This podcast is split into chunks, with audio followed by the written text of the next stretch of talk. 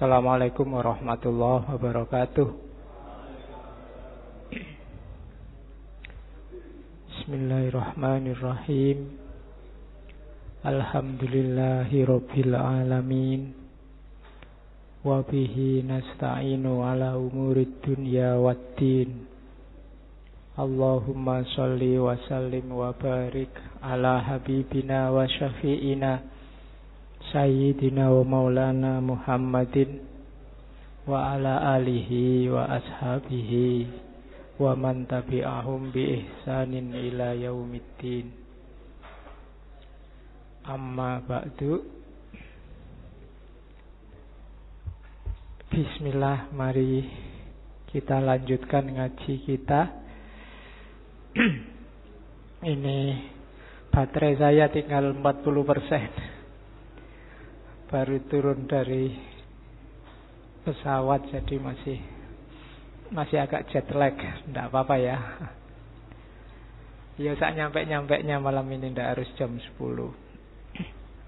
Sudah terlanjur mempersiapkan sesi tijenar eman-eman. Kalau nggak dibaca Nanti tidak punya utang. Ini kan sudah mepet Ramadan ya. Oke uh, ngaji itu saya lihat di internet banyak sekali yang menerjemahkan istilah ngaji macam-macam.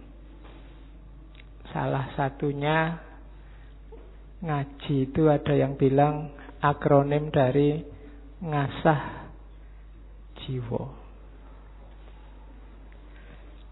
Cuma seperti saya bilang tadi pagi di Jakarta, ngasah jiwa itu tidak ada gunanya kalau kita tidak ngerti apa itu jiwa. Makanya tadi ngomong tentang jiwa. Ya tak kasih bocoran sedikit. Wong ya sudah bocor di sana. Jadi kalau dalam Islam itu manusia itu komponennya tidak cuma dua, nggak cuma jasmani sama rohani, tapi tiga. Jadi ada jasmani, ya ada rohani. Cuma rohani ini isinya dua. Yang pertama nafas, yang kedua roh. Kalau yang roh ini yang firmannya Allah wa nafakha fihi min ruhi. Itu yang Allah bilang kulir ruhu min amri robbi. Yang kita hanya dikasih ilmu sedikit. Kalau roh itu pasti baik, pasti jernih. Roh itulah cahaya Tuhan dalam dirimu. Beda sama nafas. Nafas ini nanti porosnya ada di kolep, ada di hati. Jadi kolep di situ ada tiga variabel secara umum nafas itu kalau bahasa Inggrisnya ada mind, ada will, ya kan? Jadi mind itu akal, akal itu adanya di nafas. Ada will, kehendak, keinginan, hasrat. Kadang orang menyebutnya hawa nafsu. Tapi kalau ke arah yang baik ya jadinya baik. Dan yang ketiga head itu kolab. Jadi rasa, kemudian hasrat, sama akal. Jiwa ini ada di tengah-tengah. Dia madep ke mana? Kalau dia mengutamakan jasad, ya orangnya akan mengalami kegelapan. Tapi kalau dia nolehnya ke roh, mengutamakan cahaya, ya hidupnya akan bercahaya. Yang punya filsafat kayak gini Ibnu Sina. Yang nanti dilanjutkan oleh Ghazali. Jadi awas bingung, istilahnya macam-macam bahas tentang jiwa itu. Ya kapan-kapan kita bahas lagi filsafat Islam tentang jiwa. Oke, sekarang ke sini. Syekh Siti Jenar. Tokoh yang kontroversial. Maka saya tidak akan cerita lagi. Dulu saya pernah ngomong panjang lebar tentang beliau riwayat hidupnya, asal usulnya, sekaligus kontroversinya. Yang saya baca di beberapa tulisan, saya tidak tahu benar apa enggak, banyak orang sekarang ngaku pewaris atau penerus ajarannya Syekh Siti Jenar. Ya ndak apa-apa, asal efeknya baik, ndak usah dimarahi. Biasanya kalau ada gitu-gitu kamu kan terus marah-marah. Buktinya apa? Anunya apa kan gitu. Ya wis ben. Sing penting efeknya baik. Oke. Nggak usah dimarah-marahin, nggak usah pamer, nggak usah sombong. Nanti dia malah tersinggung, nggak jadi penerusnya nanti. Malah minder, biar aja. Yang penting arahnya ke yang baik. Dan memang kontroversi, ya memang misterius. Kadang-kadang di antara keistimewaan yang diberikan pada Allah terhadap para kekasihnya itu misteriusnya itu. Kadang makamnya banyak, kadang banyak orang meriwayatkan ajarannya itu versinya macam-macam. Kayak dulu puisinya Hamzah Fansuri itu dibaca penyair ya lahirnya tafsir versi penyair. Nanti dibaca sufi lahirnya tafsir versi sufi dibaca anak-anak yang sedang jatuh cinta yo kayak puisi cinta-cintaan. Semua level akal bisa menangkap. Itu di antara kadang-kadang kekasihnya Allah dikasih keistimewaan itu. Kalau yang itu tidak masalah. Menurut saya yang masalah adalah kalau kalian mencela padahal tidak tahu. Banyak kan ada juga yang pokoknya saya Siti Jenar itu murtad. Saya Siti Jenar itu sesat. Ngerti bener ndak katanya. Katanya saya Siti Jenar itu wahdatul wujud dan wahdatul wujud itu sesat. Katanya saya Siti Jenar itu dan itu katanya katanya mungkin benar cuma kapan itu ada yang tanya saya di Facebook apa asli Pak saya Siti Jenar itu? Jangan-jangan cuma rekaan, jangan-jangan palsu. Katanya banyak orang kan sesat, kenapa masih diajarkan? Oke, ya tak jawab. Yang pertama, apa pun, fenomena apa pun, entitas apa pun, ketika diizinkan oleh Allah muncul, ada hikmah di situ yang bisa kamu ambil termasuk kontroversi Syekh Siti Jenar. Yang kedua, hati-hati menjudgment, menilai ulama, ilmuwan, apalagi aulia. Jangan-jangan dia dicintai Allah benar. Nanti kalau kita maki-maki beliau, yang mencintainya tidak rela manusia kan kadang-kadang juga gitu. Orangnya yang dicaci maki tidak masalah, tapi orang yang mencintai orang ini tidak rela. Kalau kekasihnya dimaki-maki. Jadi itu catatan kedua yang saya lihat mulai banyak menggejala hari ini karena pro ulama tertentu, pro tokoh tertentu terus maki-maki tokoh yang lain. Jangan sampai Jangan-jangan tokoh yang lain itu justru yang disukai oleh Allah. Oke, makanya sekarang ndak usah ribet sama yang luar-luar, kita asah jiwa kita sendiri. Antara lain lewat belajar macam-macam hikmah. Kadang-kadang pikiran itu terbukanya tidak diduga. Belajar Syekh Siti Jenar, Syekh Abdul Qadir Jailani, Sunan Kalijogo, Hamzah Fansuri nggak ada yang nyantol. Tiba-tiba membaca kalmak malah tercerahkan. Ada loh yang kayak gitu, ada mahasiswa Pak.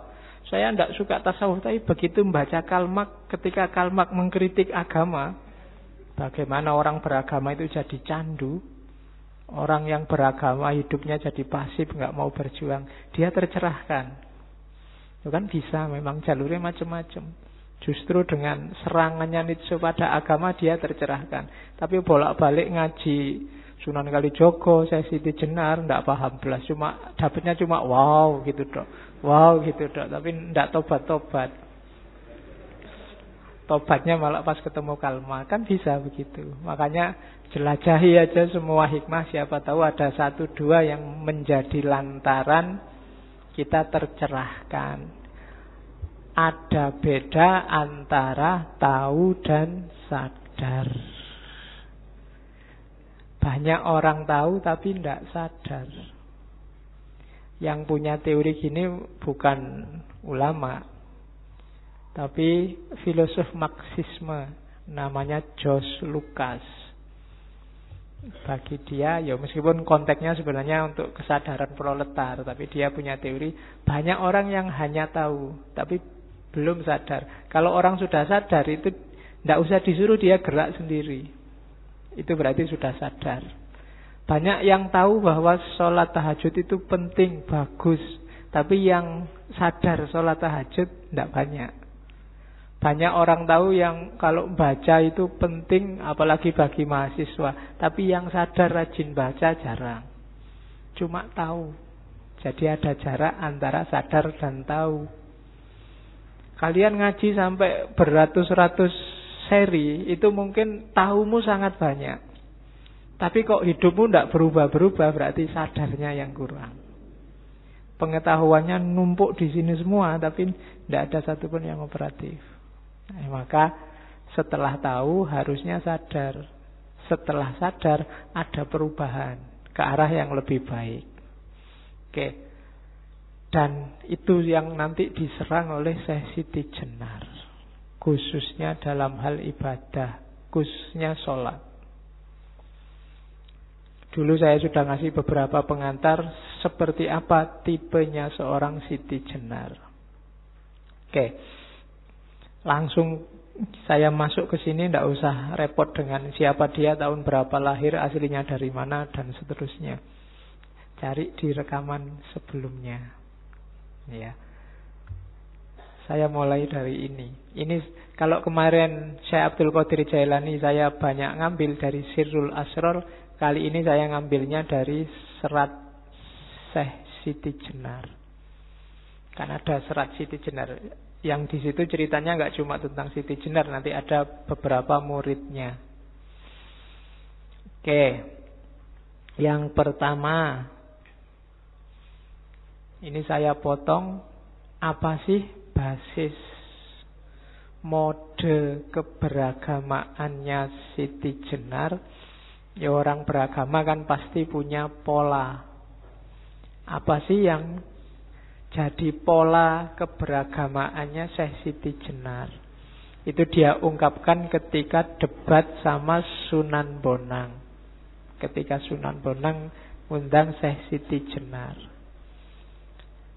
Jadi modusnya apa? Yang pertama ya, itu kalimatnya begitu. Bonang, kamu ngundang saya datang di Demak. Saya males untuk datang sebab saya merasa tidak di bawah atau diperintah oleh siapa pun kecuali oleh hati saya.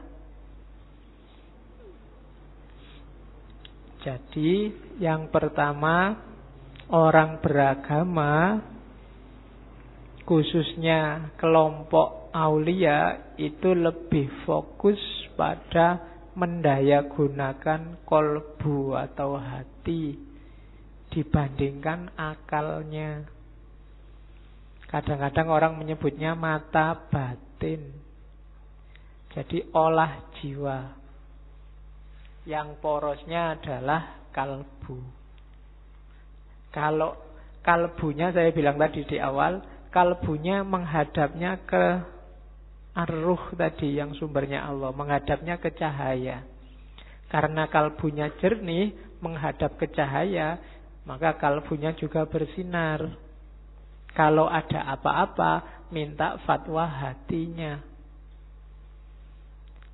Tapi kalau kalbumu menghadapnya ke jasad, yang diopeni nafsu, hasrat duniawi, ya kalau kamu minta fatwa kalbumu, kalbumu akan memfatwakan hal-hal duniawi. Kalau nggak percaya, kamu tanya sendiri sekarang. Kalau kamu tanya hatimu, yang paling enak saat ini apa? Coba jujurlah dengan dirimu. Itu jawabannya hatimu kira-kira apa?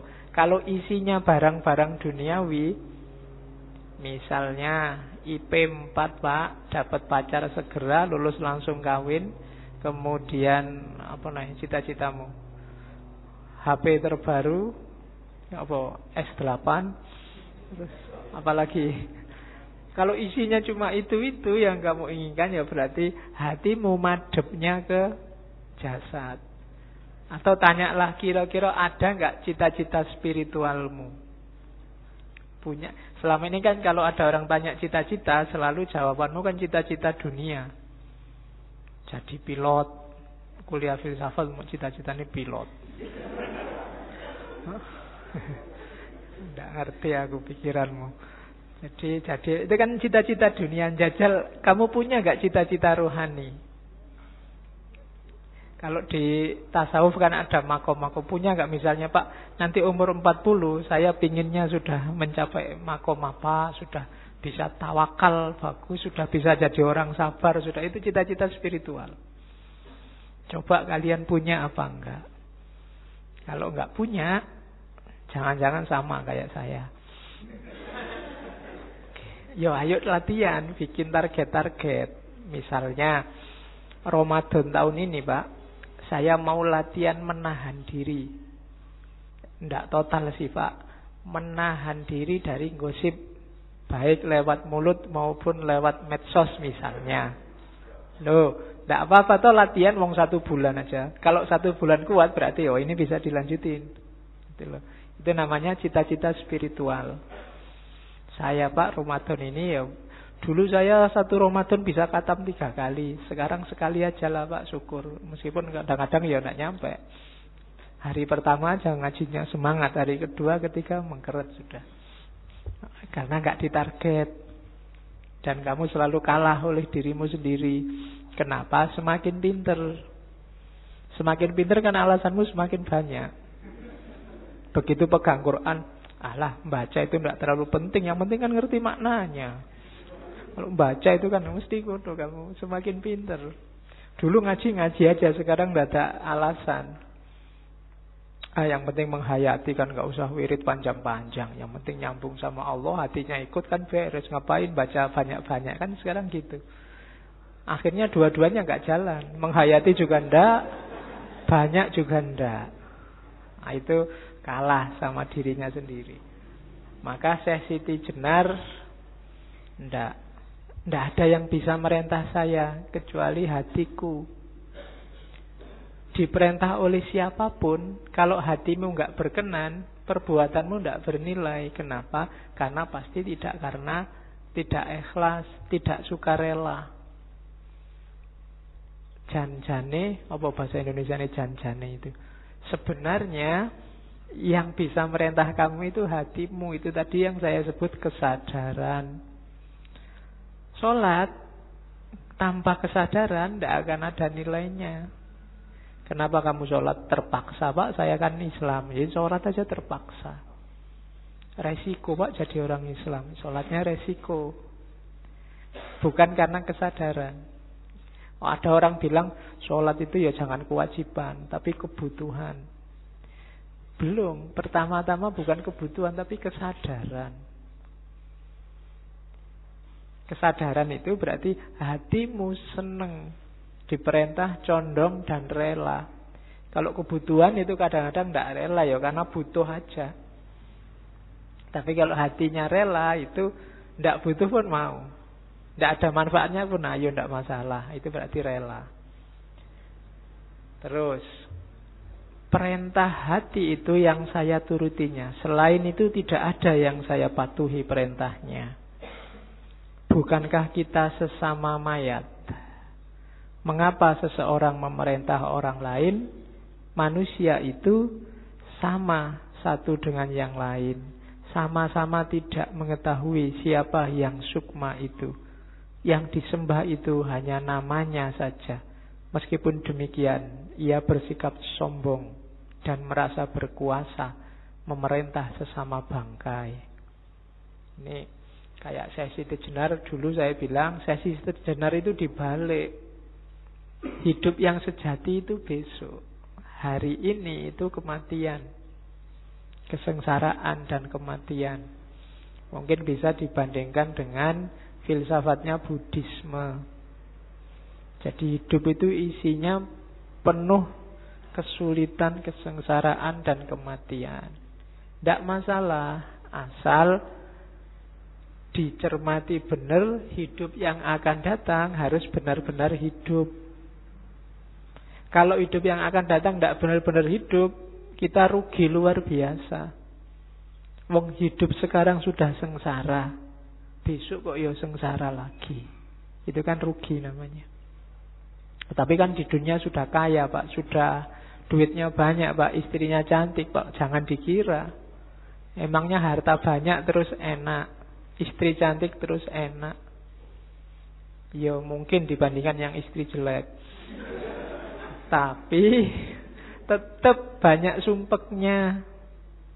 Ya dibandingkan yang tidak punya duit, yang banyak duit mungkin ada enaknya. Tapi banyak juga tidak ada enak yang sempurna enak yang tuntas di dunia ini. Sifatnya semua temporer. Barang enak apa pun ada limitnya.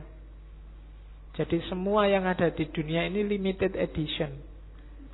Tidak ada yang full. Apa wis kamu suka apa wis? Suka kopi. Mbok anu itu minuman semua kalau suka kopi. Paling dapat tiga gelas kamu sudah muntah. Dapat lima gelas kamu sudah teler meskipun hanya kopi. Jadi tidak enak. Kurang tidak enak, lebih tidak enak. Itulah hidup hari ini serba terbatas.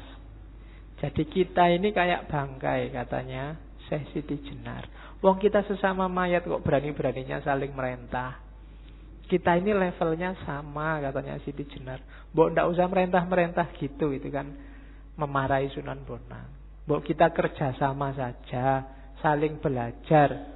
Wong kita itu ngaku nyembah-nyembah Tuhan, bela-bela Tuhan, mengagungkan Tuhan, Tuhannya sendiri kita tidak kenal.